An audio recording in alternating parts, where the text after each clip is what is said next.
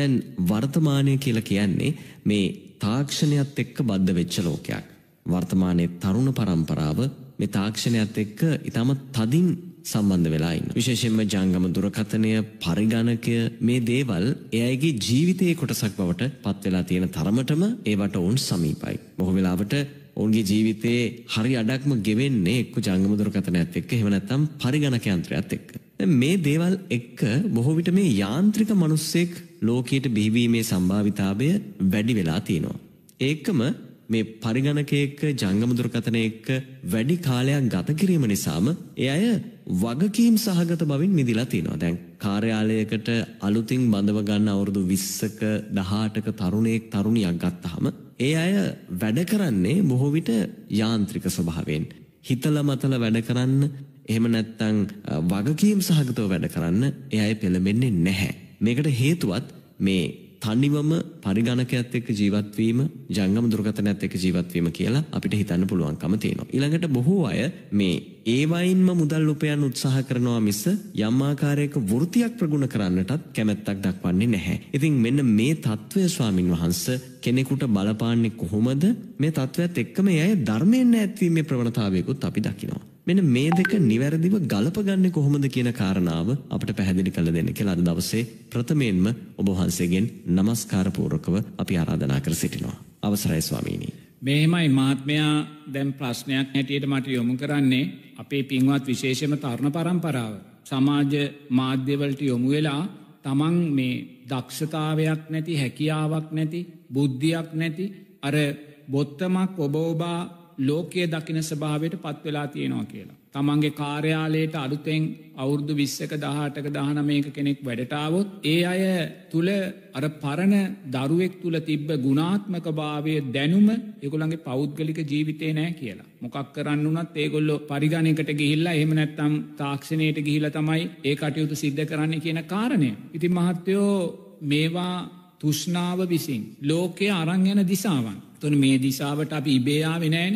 අපේ අම්ම තාත්තතෙන්ට අපි වරගෙනාවේ නැහැ. අපේ පාසලේ ගුරුතුමා ගුරුතුමිය අරගෙනාවේ නැහැ. නමුත් ලෝකෙ අපි වෙතෙන්ට අරං යනවා. ද අතීතයේ මනුස්්‍යයෝ යුද්ධ කලා යුද්ධ කළේ මොකන්ද කඩුවලින් යුද්ධ කලා දුනුවීතලොලින් යුද්ධ කලා එහෙම නැත්තං ඔය වංගුවල විශාල ගල් පරවල් තුළ හැංගිලා ඉඳල සතුරු හමුදායනකොට ගල් පෙරලා විනාස කළ එවැනි උපක්‍රම තුළින් මහත්තයෝ අතීතයේ මනුස්්‍යයෝ බලය තහවුරු කරගත්තා. ජාතික වශයෙන් ජාතියන්තර වශයෙන්. ඉති ඕවා ඔතනින් දියුණු වෙලා ඊට පස මනුස්්‍යයත්තුවක් වහොයාගත්තා. ඊට පස්සේ ටී පනස්සයෙන් මෝටාරෝලින් වෙඩිවලින් මිසයිල් වලින් අද රටවල් විනාස කළ දානවන්නේද. එද ඊට පස්සේ එතෙන්ටර යුලෝකය යමුණ තුර දැම් තෙන්ට ලෝක යොමු කළේ අපේ අමතාත්තලද නැහැ. අපේ ගමේ පන්සලි ස්වාමින් වහන්සේලාද නැහැ. අපේම සමාජයද නැහැ. නමුත් ලෝකයේ තෙන්ට යොමු කරලා තියෙනවා. අතීතේ කඩු පොළුවලින් යුද්ධ කලා ඊළඟට දැම්මේ නවීන තාක්ෂණයෙන් යුද්ධ කරන අනාගතයේ පරමාණු බෝම්බොලින් යුද්ධ කරනවා. දැම්ම එකක තැන්වලට ලෝකය අරගෙන යනවා. කෞද මේ අරං ඇනෙක් නමුත් කවුරුව අරගෙන යනවා. ඉති මාත දැම් මෙහෙම අරංගිය ලෝකය අනාගතයේදී අන්තර්ජාල එහෙම නැත්තං ඔය කියන්න වූ සමාජ මාධ්‍ය තමයි අවසානේ මේ ආවුද වෙනුවට මහත්තයෝ ලෝකය බලය අල්ලගන්න තමන්ගේ අරමුණු ඉටු කරගන්න යොදාගන්න මාධ්‍ය බවට අනාගතයේදී ඔහොම ගිහිලපත් වෙන්න. අනාගතයේදී ඇතිවෙන යුද්ධ ඇතිවෙන්න ඕවා හරහා ඕවා හරහා අනාගතයේදී මුල්ලු රටක් එක ෂනයෙන් විනාස කරන්න පුළුවන් තත්වට පත්වේවි දැන්ටත් තියන දැන් සමාරු මට ඇවිල්ල කියන ස්වාමීන් වහන්ස මගේ YouTube චැනල් එක එහෙම නැත්තම් වෙබ්සයිට් එක කවුද හැක් කරලා? ඒක වහලා ඒක විනාස කරලා තේරන එතකට අද දැන් ලෝකයේ දුවන්නේ තුළ ආයතන දුවන්නේ රජය දුවන්නේ බැංකු දුවන්නේ රාජ්‍යම දුවන්නේ රාජ්‍ය ආර්ථිකය දුවන්නේ. දැම් මහත්තු එතකොට මේ රට විනාස කරන්න අනාගතයේදී මිසයිල් පරමාණු බෝම්භ අවශ්‍ය වෙන්නේ නැහැ. ඒ තැනට ලෝකය අරගෙන යනවා. කවුරු අරං යනවා මන්දන්නෑ කවුද කියන්න. මේ අමනුස්සෙක් නෙමේ දෙවියෙක් නෙමේ බ්‍රහ්මයෙක් නෙමේ. අපේ මකුසල් සංස්කාර අපේම අවිද්‍යාවේ තිවරභාවය නිසා වැඩිවෙන්න වූ තුෂ්නාව මේ ජාතියන්තරේ ලෝකයේ තෙන්ට අරගෙන යනවා. එගොල අනාගතයේදී කැමති නෑ ආවුද වැය කරලා මූනිස්සම් වැය කරලා මෝටාර් වැය කරලා තවත් රටක් කල්ල ගන්න තවත් ජාතියක් ඇටත් කරගන්න. එනිසා ඊට අදාළ මම්පෙත් ඔස්සේ ලෝකය අරං යනවා. එතකොට ඊට අදාළ මම්පෙත් ඔස්සේ ලෝකය අරං යත්තිී. පිංහතුනි අපි නායකෙක් පත් කරගන්නේ ඇයි. මිහිදු මහෝත්තමයාණන් වහන්සේ අපේ අර රජතුමාට දේශනා කරනවා මහරජ ඔබ මේ රටේ අයිතිකරුණෙවේ. ඔබ මේ රටේ අයිතිකරුණේ මේ ඔබ මේ රටේ භාරකරු ජනතාව පත්කරපු භාරකරු ඔබ. එතෝට ඇයි ජනතාව මේ භාරකරුවෙක් රාජ්‍ය නායකය හැටියට දේශපාලක්ඥෝ හැටියට පත් කරලා තියෙන්නේ. පිංහතුනී මේ විෂම ලෝකයේ වහලුන් බවට මේ විෂම ලෝකයේ ගොදුරු බවට පත් නොවේ අපිෝ බේරගන්න. නමුත් පිංහතුනේ අවසානය මොකක්ද සිද්ධ වෙලාතිීන්. මේ විෂම ලෝකයේ ඒ ජන්තවරු බවට අපේ නායකින් පත් වනාට පස්සේ පිංහතුනේ අපේ රටෙත් ගොඩනැගෙන්නේ අර කම්පියුටර් එකෙන් එහෙම නැත්තං ඔය අන්තර්ජාලෙන් මහත්තයෝ ලෝකය දකින ලෝකයක්. දැනුමෙන් ලෝකය දකින බුද්ධියෙන් ලෝකය දකින ප්‍රඥාවෙන් ලෝකය දකින සමාජයක් නෙමේ ඒගොල ලෝකය දකින්නේ ඇගිල්ලෙන් ඔබන බොත්තමකින්. ඒසා නොගැඹුරු තැනකට ලෝකය අරංගිහිලතින. එනිසා මහත්තයෝ මේවා හේතුඵල ධර්මයන් හේතුඵල ධර්මයන් කෙන මුළු ලෝකෙටම බලපාන ධර්මයන් ඉතින් මේ ලෝකෙට බලපාන ධර්මයන් තුළින් මහත්තයෝ අපේ නායකයෝ දක්ෂ වියුතුයි. අපේ සංස්කෘතියට ගැලපෙන විදියට. අපේ සදාචාරයට අපේ හැදියාවන්ට ගැලපෙන විදිහට ලෝකය අපිට බද්ධ කරගන්න. ලෝකය අපි තුළට ගන්න. මොකද අපිට තනියොම ජීවත්වෙන්න බැහැ අපිට ලෝකයක් එක්කයි ජීවත් වෙන්න පුළුවන්. නමුත් ලෝකයත් එක්ක ජීවත්වෙන්න යන ගමනෙදී අපි දක්ෂ වියුතුයි. අපේ සංස්කෘතිය ආරක්ෂා කරගන්න. අපේ හැදියාව ආරක්ෂා කරගන්න. අපේ ජනතාව ආරක්ෂා කරගන්න. අපේ අනාගත පරපුර ආරක්ෂා කරගන්න. අපි මෙතෙක් වැඩුනා වූයේ සදාචාර ධර්මයන් ආරක්ෂා කරගන්න. ඒ ආරක්ෂා කරගෙනයි අපි ලෝකට බද්ධ විය යුත්තේ. නමුත් මාත්‍යව එවැනි දෙයක් අපේ රටේ කොතනකවා සිද්ධ වෙන්නේ නැහැ. එනිසාර ලෝකය යන දිසාවට මහත්තයෝ තව තව තව තව තව තව ඉනිමං බඳිනවා ඒ දිසාබටම සමාජය ගමන් කරන්න. ඒ නිසා අදින් පස්සෙ බිහිවෙන ලෝකය මහත්තයෝ හිතලා කල්පනා කරලා මොලේ වෙහෙසලා නිර්මාණ කරන්න දක්ෂ ලෝකයක් නෙමේ අනාගතයද බිහිවෙන්නේ. එනිසා එවැනි ලෝකෙකති මහත්තයෝ අපිව අයිති කරගන්න අපිව යටත් කරගන්න අපිව ගොදුරු කරගන්න අපිව වහල් කරගන්න තියෙන අවස්ථා අපි විසින්ම ලෝකයාට ලබල දෙනවා. එකන අපේ නිදහස අපිම ලෝකයාට පාවල දෙනවා. එම පාවලදීලපින් අපි මේ යන්නේ එදා හෙල්ලෙන් එදා කඩුවෙන් දිනාගත්ත ලෝකය ඊට පස්සේ තුවක්ුවෙන් අවියෙන් දිනාගත්ත ලෝකය අනාගතයේදී මාත්‍යයෝ අදක්ෂ භාවය නිසාම ශිල්පිය දුර්වල භාවයන් නිසාම දරාගැනීමේ ශක්තියේ දුර්වල භාවය නිසාම මාත්‍යයෝ අපිම අපිව යටත් කරලා දෙන අනුන්ගේ ගොදුරු බවට අපිම පත් කරලා දෙන ලෝකයක් කරා අපි ගමන් එතනතිත් මට කියන්න තියන්නේ වගකිය යුත්තෝ දේශපාලනයයි කියලා. එනිසා අපි ලෝකයට ආයුතුයි නමුත් ලෝකයට අපි ආයුත්තේ අපේ වැදගත් දේවල් අපි රැකගත්ත දේවල් ආරක්ෂා කරගෙන මිසක් ඒවා විනාස කරගෙනන් අපි ලෝකෙට යන්නේ. පිංහතුනේ ඊට වඩා හොඳයි. අපි අතීතයට යන එක. එනිසා මහත්‍යාපු ප්‍රශ්නයට මට දෙන්න තියෙන උත්තරේ තමයි මෙතනදීත් ජනතාව තේරුම් ගන්න ඕනේ. කොයි දේ සීමාවක් තියෙනවා බුදුරජාණන් වහන්සේ අන්ත දෙකම ප්‍රතික්ෂේප කරනවා. අඩුයි කිය අන්තෙත් බුදුරජාණන් වහන්සේ ප්‍රතික්ෂේප කරනවා. වැඩි කිය අන්තෙත් බුදුරජන් වහන්සේ ප්‍රතික්ෂේප කරනවා. මධ්‍යම ප්‍රතිපදාවයි බුදුරජන් වහන්සේ අනුමත කරන්න. මධ්‍යම ප්‍රතිපදාව කියන ආරෂ්ඨාංගික මාර්ගය. එනිසා ඔබ තාක්ෂණය භාවිතා කරනවා නං මධ්‍යම ප්‍රතිපදාව තුළ භාවිතා කරන්න. මොකද මධ්‍යම ප්‍රතිපදාව කියන්නේ? තෙරුවන් කරේ සද්ධාව තුළ ඉඳමින් තාක්ෂණය භාවිතා කරන්න. තෙරුවන් කරේ සද්ධාව තුළ ඉදිද්දී ඔබ තාක්ෂණය දකින්නේ මාරයා හැටියට. අවසරයි ස්වාමින් වහන්ස දැන් මධ්‍යම ප්‍රතිපදාව තුළ සිටිමින් තාක්ෂණය භාවිතා කිරීම පමණක් නොවෙයි සාමාන්‍ය ජීවිතය නිවැරදිව හැඩගස්වා ගැනීමටත් මේ මධ්‍යව ප්‍රතිපදාව තුළ සිටිබින් ජීවිතය දැකීම වැදගත් බව තමයි අපේ අදහස. ඒත් එකම ස්වාමින් වහන්සේ ඔබ වහන්සේ සඳහන් කළා මේ තාක්ෂණය මාරයා ලෙස දකිමින් කටයුතු කිරීම ඊටාම වැදගත් බව. මෙන්න මේ කාරණාව මේ නමුත් එදිනදා ජීවිතයේ කටයුතු වලදී ස්වාමින් වහන්සේ මේක තරමක් අපහසු වෙන්න පුළුවන් කෙනෙකුට කොහොමද තාක්ෂණය මාරයා විදිහට දකිමින් අපි ඒක ජීවත් වෙන්නේ කියන එක. දැන් මේ කාරණාව අප ප්‍රායෝගිකව සිදු කළ යුත්තේ කොහොමද කියන කාරණාවත් අපට පැහැදිලි කරලා දෙන්න කියලා ඔබ වහන්සේගෙන් මේ මොහොතේදී මා ආරාධනා කර සිටිනවා. අවසරයි ස්වාමීනි. කොයි වෙලා හෝ ඔබට දුක ලබා දෙන්න පුළුවන් මාරයා හැටියට ඔබ තාක්ෂණය දකි අන්තෙරුවන් කරේ සද්ධාව තුළින් තාක්ෂණය දකින කෙන. ඒනම් තාක්ෂණය මාරයානං ඔබ දක්ෂයි තාක්ෂණය පිංහතුනේ දුස්සීල භාවය උදෙසා ඔබ යොමු කරගන්න. තාක්ෂණය පලිගැනීම උදෙසා ඔබ යොමු කරගන්න. තාක්ෂණය ඔබේ සදාචාරාත්මක දියුණුව විනාස කිරීම උදෙසා ඔබ යොමු කරගන්නේ නෑ මොකද තාක්ෂණය මාරයා. ඒවගේ ඔබ තාක්ෂණය දවේශය උදෙසා වෛරය උදෙසා ඔබ යොදාගන්න නැහැ. ලෝබදේශ මෝහ උදෙසා ඔබ යොදාගන්න අන්න මධ්‍යම් ප්‍රතිපදාව. තාක්ෂණයෙන් බැහැරව ලෝක දිනන්න බැහැ. තාක්ෂණය අත්‍යවශ්‍යයි. නමුත්තේ අත්‍යවශ්‍ය තාක්ෂණය ඔබ මධ්‍යම ප්‍රතිපදාව තුළයි ඔබ ජීවිතයට එකතු කරගන්න ඕනේ. ඔබ තුළ විශ්වාසයක් තියෙන් ඕනේ. තෙරුවන් කරේ සද්ධාවෙන් තාක්ෂණය පරිහරණය කරන්න. අනේ බුදුරජාණන් වහන්සේ තාක්ෂණය කියන මාරයා මාරයාගේ හිස්සාත ගාලා ටොක්කක් අයින් අපි දක්ෂ වෙන්න ඕනේ. මාරයාගෙන් ගන්න තියෙන යහපත්දේ අරගෙන අයහපත අතහරින් අපි දක්ෂ වෙන්න ඕනේ. කර්මය කර්මඵල විශ්වාසයෙන් තාක්ෂණය පාවිච්චි කරන්න අපි දක්ෂ වෙන්න ඕනේ. අපි තාක්ෂණයෙන් අධ්‍යාපනය අපේ ජීවිතයට ගත්තොත් එය අපිට යහපත් විපාකයක්. අපි තාක්ෂණයෙන් කාමය රාගය නැත්තන් දුරාචාරය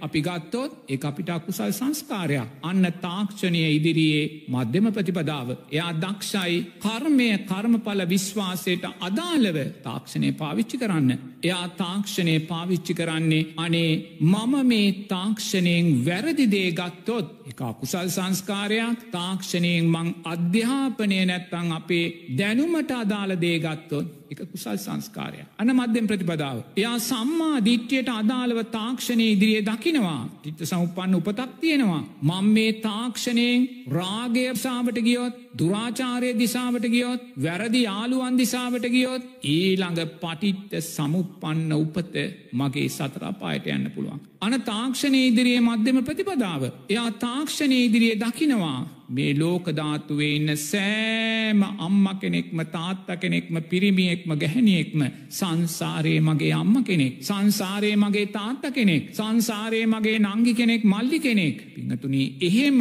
තාක්ෂණය පරිහරණය කළොත් ඔබ කවදක්වත් තාක්ෂණය තුළින් රාගය ඇති කරගන්නේ නෑ. අන තාක්ෂණය මධ්‍යම් ප්‍රතිපදාවට ඔබ ගත්තා. තාක්ෂණය තුළින් සම්මා දිට්්‍ය ඇති කරගන්න දරුවා. යා දක්ෂයි තාක්ෂණය සීලේ ශක්තිය උදෙසා යොමු කරගන්න. තාක්ෂණය දානේ ශක්තිය උදෙසා යොමු කරගන්න. ඔබේ සීලය වැඩෙනදේ පමණයි ඔබ තාක්ෂණයෙන් ගන්නේ. ඔබේ වර්ණය සැපේ බලය වැඩෙනදේ පමණයි ඔබ තාක්ෂණයෙන් ගන්නේ. අන්න තාක්ෂණයේ මධ්‍යම ප්‍රතිපදාව. එතෝඩේ තාක්ෂණය තුළින් ඔබ සම්මා සංකප්පයන් වඩනවා. මධ්‍යම ප්‍රතිපදාව ඔබ තාක්ෂණයෙන් දේශය ගන්නේ නෑ. ඔබ තාක්ෂණයෙන් වෛරය ගන්නේ නෑ අද මොකද තාක්ෂණය තුළින් කරන්නේ මුහුණු පොත්තුලින් මොකක්ද කරන්නේ. තුනේ වෛරය වපුරනවා.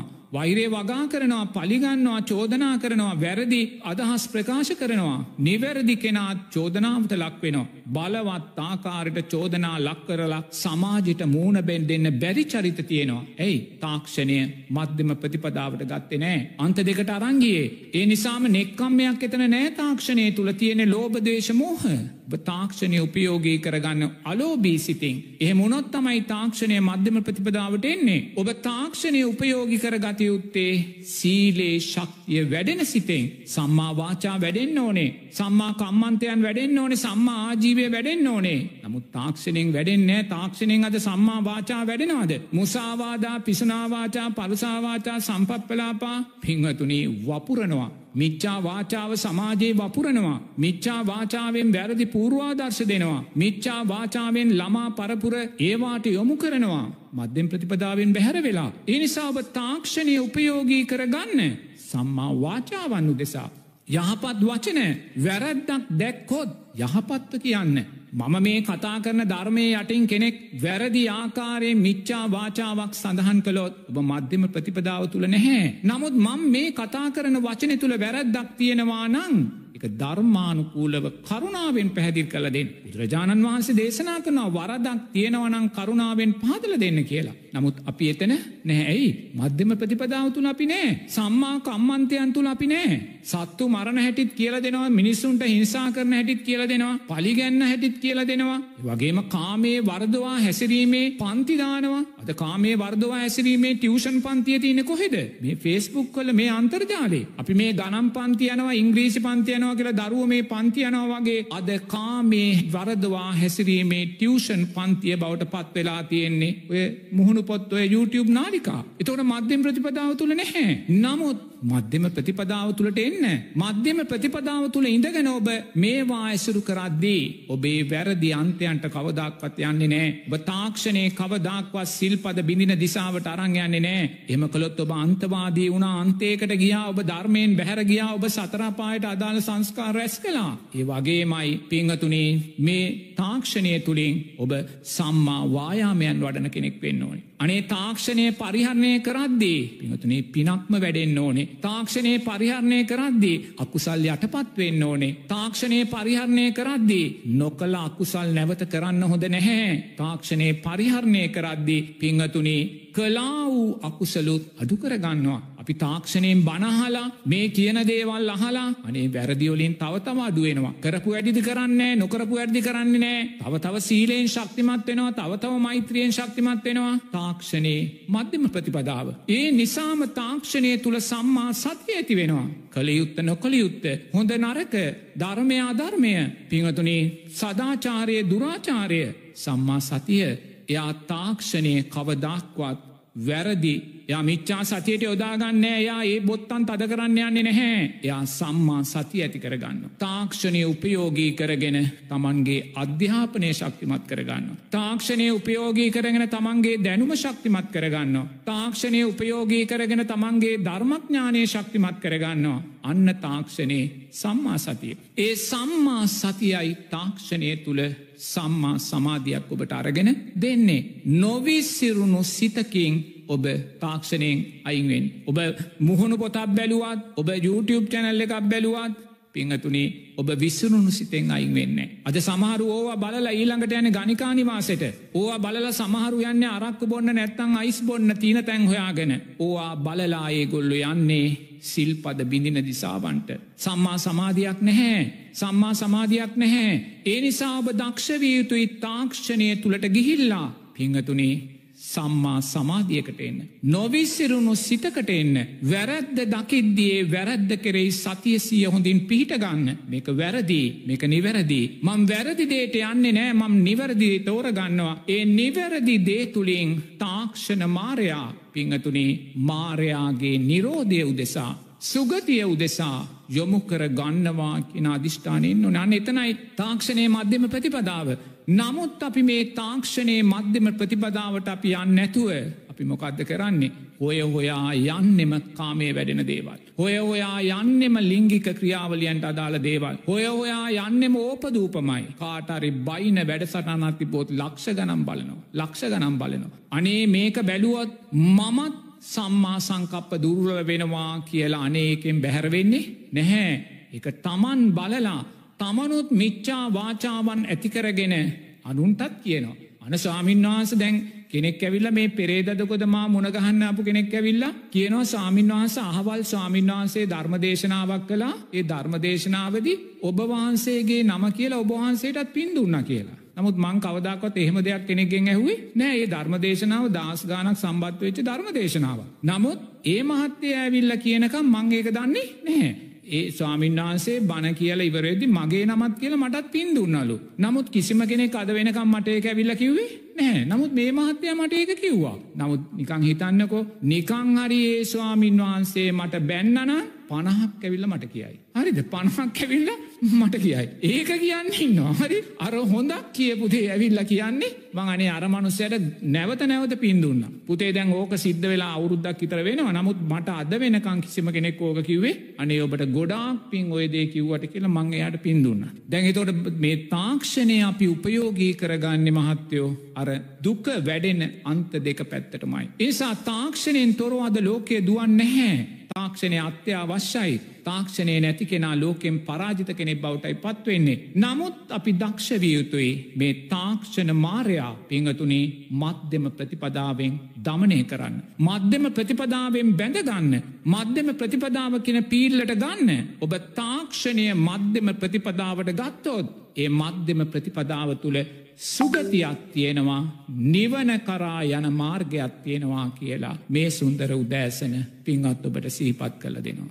ස්වාමින් වහන්ස මීළඟ ගැටලු හැටියට යොමු කරන්නට බලාපොරොත්තු වෙන්නේ මේ ගෙවිච්ච සති දෙක තුන ඇතුළත සමාජය තුළ මතුවෙච්ච යම් කතා බහක් පිළිබඳව. දැන් කාලෙන් කාලෙට එක එක පුද්ගලයෝ බිහි වෙලා විවිධ දේවල් පිළිබඳව සඳහන් කරනවා. දැන් ගෙවිච්ච මාසය ඇතුළත අපිට මුලින්ම අඳුරගන්න ලැබිච්ච කෙනෙක් තමයි මේ අවලෝකීතීශ්වර කියන පුද්ගලයා. පිට රටක ඉඳලා ලංකාවට ඇවිල්ලා ධර්මයේ දේශනා කරමින් තැන් තැන්වලට යමින් විශාල අනුගාමිකයෝ පිරිසක් හදාගෙන ඒ අය එක්ක කටයුතු කරමින් යම් විදිහක අමුතු ආකාරයක හැසිරීමක් අපි දැක්කා. මේක ශාසනය විකෘති කරන්න උත්සාහ කරපු අවස්ථාවක් හැටියට තමයි අපිට පේනට තිබුණේ.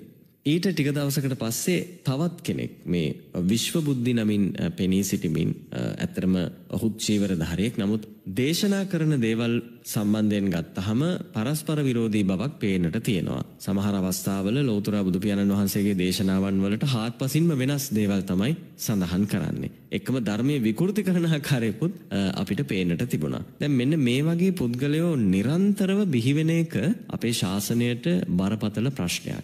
මේ වගේ දේවල් හරහා ශ්‍රාවකයන් පවා රැවටීමට ලක් වෙන්නත් ඉඩ තියෙනවා. මේවා නිවැරදිව වටහා ගනිමින් අපි මේ ගමන කොහොමද යන්න ඕන කියන එක ස්වාමින් වහන්සේ අපිට නැවත පැහැදිලි කර දෙන්න අත්‍යවශ්‍යයි. ඔබ වහන්සේගෙන් මම මේ මොහොතේදී ඒ ඉල්ලීම තමයි කරන්න සූදානම් වෙන්නේ. අවසරයි ස්වාමින් වහන්සේ. පින්වත් මහත්මයා ධර්මයාත්‍රා වැඩසටහන වෙනුවෙන් දෙවනුව මට යොමු කරපු ප්‍රශ්නය තමයි වර්තමානයේ සම්මා සම්බුද්ධ ශාසනයේ ආත්මගරුත්වය විකෘති කරන්නාව. යම් යම් චරිත සමාජගත වෙනවා කියලා. පසුගිය දවසක විශ්ව බුද්ධ නමින් යම් මිච්චා පැවිදි පුද්ගලේ බරපතල ශාසනික චෝදනාවන් අනවශ්‍යාකාරයෙන් සිද්ධ කලා කියලා පින්වත් මහත්මය මතක් කළා. මහත්තයෝ මෙවැනි සිද්ධීන් තුළින් අපි හැම්වෙලාම දකින්න ඕනේ බුදුරජාණන් වහන්සේ ජීවමානුව වැඩසිටි කාලෙත් මිච්චා බුදුවරු හිටිය පින්වතුනි. තමන් බුද්ධත්වයට පත්වනාය කියලා මත ප්‍රකාශ කරපු තමන් බුදුනාය කියල මත ප්‍රකාශ කරපු මිච්චා බුදුවරු බුදුරජාණන් වහන්සේ ජීවමානෝ වැඩ ඉදිත්ති හිටිය. ඒ වගේම බුදුරජාණන් වහන්සේ ජීවමානෝ වැඩ සිටිද්දී මිච්චා රහතන් වහන්සේලාත් වැඩ හිටිය. අවම වශයෙන් තෙරුවන් කරේ සද්ධාවත් ඇති කරගෙන හිටියනෑ අවම වචයෙන් සම්මාධිට්්‍යය ආර්ථයන්වත් ජීවිතය තුළ තිබෙනෑ මිත්‍යා දෘෂ්ටිය තුළයි ජීවත් වනේ. මිත්‍යා දෘෂ්ටිය තුළ ජීවත් වනත් තමන් රහත් පලයට පත්වනා කියලා කියපු මිච්චා රහතන් වහන්සේලා බුදුරජාණන් වහන්සේ ජීවමානෝ වැඩ සිටිටීතිය. ඒවගේම මිච්චා ශ්‍රාවකයෙන් හිටියක්. චීවර දරාගත්ත සිවුරු දරාගත්ත පැවිදිභාවේ ලබපු අප්‍රමාණ මිච්චා ශ්‍රාවකින් හිටිය. නමුත් පිංහතුනේ මේ සියලු ධර්මතාවයන් තුළ දුෘෂ්ටීන් හැට දෙහෙක පිංහතුනී පීඩනයක් මැදයි බුදුරජාණන් වහන්සේ මේ උතුම් ධර්මය සමාජගත කළේ. එනිසා වර්තමානයේ මේ ඇතිවෙලා තියෙන මිච්චා බුදුවරුන්ගේ ප්‍රශ්නය මිච්චා රහතන් වහන්සේලාගේ ප්‍රශ්නය මිච්චා ශ්‍රාවකයින්ගේ ප්‍රශ්නය පිංහතුනී අහම්බෙන් ආපු ආගන්තුක ධර්මතාවයක් නෙමේ. ලෝතුනා බුදුරජාණන් වහන්සේ දේශනා කරනවා අවිද්‍යාව හේතුවෙන් සකස් වෙන්න වූ සංස්කාර. සංස්කාර හේතුවෙන් සකස් වෙන්න වූ විඤ්ඥානය පිංහතුනේ මැජික්කරුවෙක් කියල. මායාකරුවෙක් කියලා. මොකද සමාජය තුළ අවිද්‍යාව වැඩිවෙන්න වැඩිවෙන්න සමාජය තුළ තුෂ්නාව ඇලීම් ගැටීම් වැඩිවෙන්න වැඩිවෙන්න සත්වයා අකුසල් සංස්කාරයන්ගේ ගොතුරක් බවට පත්වෙන. පිංහතුනේ සත්වයා අකුසල් සංස්කාරයන්ගේ ගොතුරක් බවට පත්වෙද්දී. පිංහතුනයේ අකුසල් සංස්කාරයෝ නිසා සකස් වෙන්න වූ විඤ්ඥානය දැනීම් පිංහතුනේ මායාවක් බවට පත්වෙන. මැජික්කරුවේ බවට පත්වෙන. නිරේතුරුවම පිංහතුනේ ශාසනාර්ථයන් විකෘති කරන මායාකරුවන් බවට අපිව පත් කරන. ඒ විඤ්ඥානය ස්භාවේ. ඒකයි බුදුරජාණන් වහන්සේ විඤ්ඥානය මැජික්කරුවෙක් කියලා කියන්නේ. ඒ ඇනේ මම බුද්ධත්වයට පත්වනා කියලා නැත්තම් මම බුදු වෙනවාය කියලා ප්‍රකාශයන් කරන්න පිංහතුනේ තමන්ගේ ඉන්ද්‍රීය ධර්මයන්ගේ දුර්වල භාවය නිසාමයි. තමන්ගේ ඉන්ද්‍රිය ධර්මයන්ගේ දුර්වල භාවය නිසා. ඒවගේම කල්්‍යයාන මිත්‍රාශ්‍රයේ සද්ධර්ම ශ්‍රවනයේ ශ්‍රවණය කලා වූ සද්ධර්මය නුවනින් මෙනෙහි කිරීමේ දුර්වල භාවයන් නිසාමයි. මේ ඉන්ද්‍රීය ධර්මයන්ගේ දුර්වල භාවය පිංහතුනේ අවිද්‍යාව ශක්තිමත් වෙද්දී. තුෂ්නාව ශක්තිමත් වෙද්දී. ඇලීම් ගැටීම් වැඩිවෙද්දී. අකුසල් සංස්කාරයෝ දෝරෙ ගලාගෙන යත්ති පිංහතුනේ නිරේතුරුවම මේ ඉන්ද්‍රීය ධර්මයන් තව තවත් තව තවත් දුර්වල භාවට පත්වෙනවා. ඒ නිසා මේ මොහොතේ පිරිමි කෙනෙක් මතු වෙලා නැත්තම් පැවිදි කෙනෙක් මතු වෙලා කියන්න පුළුවන් මං බුදුනායි කියලා. නැතම් මං ඉදිරියේදි බුදු වෙනවායි කියලා මේ ජීවිතේදීම පිංහතුනේ ඉං අදහස් වෙන්නේ මේ උතුම් සම්මා සම්බුද්ධ ශාසනය කියන අර්ථයවත් ඒපි පුද්ගලය දන්නේ නෑ දන්නේ නෑ. බුදුරජාණන් වහන්සේගේ දෙතිස් මහා පුරුෂ ලක්ෂණයන්ගෙන් යුත් ඒ පෞර්ෂත්වයෙන් යුත් රූප ස්භාවේ ස්භාවවත්තේ පුද්ගලය දන්නේ නෑ.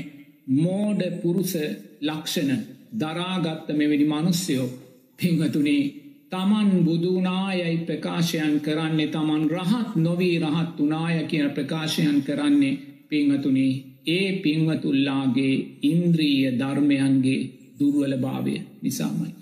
ඒ අයිගේ ඉන්ද්‍රිය ධර්මයන්ගේ දුර්වල භාවය නිසාමයි. එනිසා පිංවතුල්ලා දක්ෂ වෙන්න ඕනේ පිංහතුනේ මේ සමාජගත වෙන ආගන්තුක විකෘති ධර්මතාවයන් ධර්මයක් ඇටියටම දකින්න. ධර්මයක් ඇටින්ම දකින්න.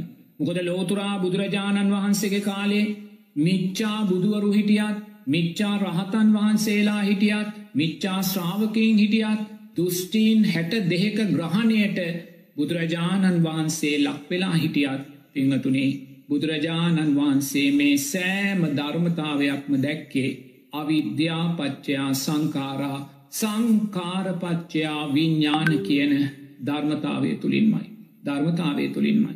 ධර්මය උපේක්ෂාවෙන් මයි දැක්කේ අනේ සම්මාධිත්‍යයේ දුර්වල භාවය මිත්‍යා දෘෂ්ටියේ යථා ස්භාවය පිංහතුනේ ධර්මයක් කොටයි මේ සිරු දේ දැක්කේ. එනිසා කොතනෙකදිවත් උන්වහන්සේලා මේවා නිසා පිංහතුනේ ශාසනාර්ථයන් දුර්වල වෙන්න දුන්නේ නෑ එනිසා ඒ පූර්වාදර්ශය බුදුරජාණන් වහන්සේ අතීත ශ්‍රාවකීන් වහන්සේලා මේ මිච්චා බුදුවරුන් මිච්චා රහතන් වහන්සේලා මිච්චා ශ්‍රාවකීන් හරහා මේ දුෘෂ්ටීන් හැට දෙකක් කරහා පිංහතුනේ තමන්ගේ ධර්මය තමන් දේශනා කළා. තමන්ගේ චතුරාර් සත්‍ය ධර්මය තමන් දේශනා කළා. අනිත් කෙනා ගැන හොයන්න ගිය නැහැ. ගොද ධර්මය ආනිසංස කරේ විශ්වාසය බුදුරජාණන් වහන්සේටත් ශ්‍රාවක සංඝයාටත් තිබුණා. ඒ නිසා පින්වතුල්ලා වර්තමානයේ දක්ෂ වෙලා තියෙනවා. පිංහතුනී මෙවැනි මිච්චා බුදුවරු සමාජගත වෙද්දී. මෙවැනි මිච්චා රහතන් වහන්සේලා සමාධගත වෙද්දී. මෙවැනි මිච්චා ශ්‍රාවකයෙන් සමාජගත වෙද්දී. ඒ අය තෙරුවන්ට අප්‍රමාණ අගෞරුව කරද්දී පිංහතුනේ ඒ ක්‍රියාවන් දෙස ධර්මය උපේක්ෂාවෙන් දකින්න අපේ රටේ ජනතාවද දක්ෂ වෙලා තිනවා.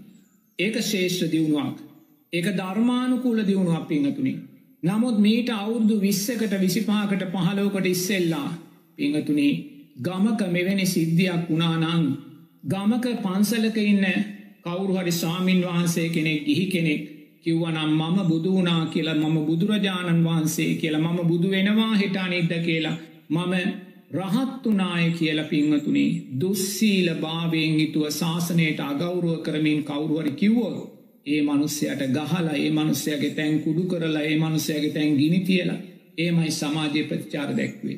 නමුත් පිංහතුනේ වර්තමානය මෙවැනි මිච්චා රහතන් වහන්සේලා මිච්චා බුදුවරු මිච්චා ශ්‍රාවකී නිදිරියේ ජනතාව දක්වන උපේක්ෂාසාගත හැසිරීම මේ සියලු විකෘතිීන් පිංහතුනේ අධර්මේම පලයක් අකුසලේම පලයක් කියලා දකිමින් මේවාට නොඇදී මේවාට නොගැටී පිංහතුනේ තව තව ශාසන අර්ථයන් ශක්තිමත් කරන දිසාවටයි වර්තමානයේ අපේ බෞද්ධ ජනතාව ගමන් කරන්න.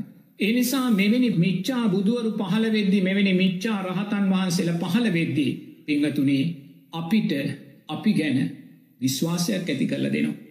අපේ ධර්මය ශක්තිය ගැන අපිට විශ්වාසයක් ඇති කරල දෙනවා. අපි මේවට ගැටෙන්න යන්නේ නෑ.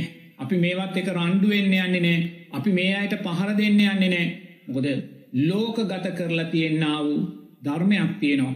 බෞද්ධයා ඉන්සාකාරී බෞද්ධ ආවේගසීලී බෞද්ධයා ප්‍රචන්්ඩයි පිංහතුනි මෙවැනි වැරදි අදහස් සමාජගත කරලා තියන ලෝක ගත කරලා තින මොහොතක පිංහතින් මෙවැනි මිච්චා ධර්මයන් සමාජය තුළ මතුවෙද්දී අපේ සිංහල බෞද්ධ ජනතාව දක්වන්නා වූ ධර්මය උපේක්ෂාව දක්වන්නා වූ සංවරසීලී භාවය පිංහතුනේ ඇත්තටම වර්තමාන ජනතාවගේ ශාසන ශක්තිය පිළිබඳ සුන්දර පණිවිඩයක් තමයි අපිට කියලදෙන්. එනිසා අදින් පස්සේ උදාවෙන ලෝකය අදින් පස්සේ උදාවෙන හෙට දවස පිංහතුනේ අකුස්සලය ඔඩුදුවන්නා වූ දවසක්. අකුස්සලේ ඔඩුදුවන්දී අවිද්‍යාව තව තවත් ශක්තිමත් වෙනවා. අවිද්‍යාව තව තවත් ශක්තිමත් වෙද්දී පිංහතුනේ මනුස්්‍යයාගේ ඉන්ද්‍රීය ධර්මයන්ගේ ස්වභාවය දුර්වල වෙනවා. කල්්‍යයාන මිත්‍රාශ්‍රයෙන් බැහැර වෙනවා සද්ධර්ම ශ්‍රවණයෙන් බැහැර වෙනවා ධර්මය නුවනින් මෙනෙහි කිරීමෙන් බැහැර වෙනවා.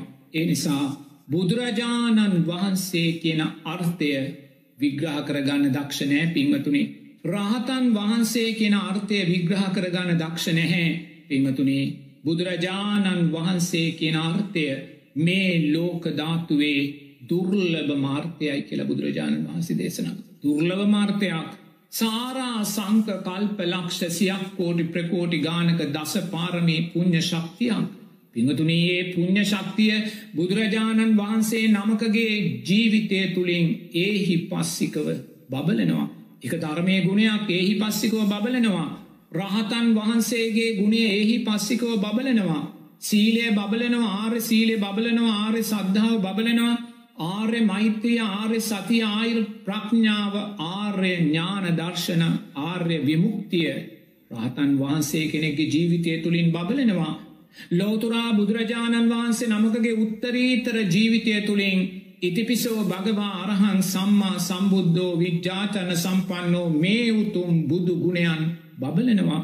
දුක්කේ ඥානන් දුක්ක සමුදයේ දුක්ක නිරෝධේ පිනතුනේ මේ උතුම් ඥාන ධර්මයන්ගේ ශක්තිය ඒහි පස්සිකෝ බබලනවා. බුදුරජාණන් වහන්සේ මේ තුන් ලෝකෙටම උත්තරීතර උතුමාණන් වහන්සේ. පිමතුනේ බුදුරජාණන් වහන්සේගේ රූපය තුළින් මේ මහා සුන්දර ඥානයන් මේ සුන්දර ගුණයන් මේ සුන්දර මහා කරුණා ගුණයන් පින්වතුනේ ඒහි පස්සිකෝ විවෘත්තෝ පෙනෙද්දී.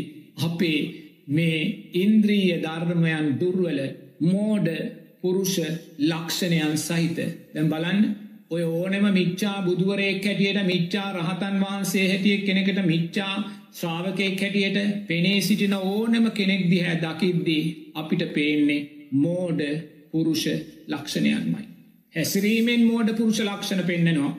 කතාවෙන් මෝඩ පුරුෂ ලක්ෂණ පෙන්නෙනවා. ඉරියව්වලින් මෝඩ පුරුෂ ලක්ෂණ පෙන්නෙනවා.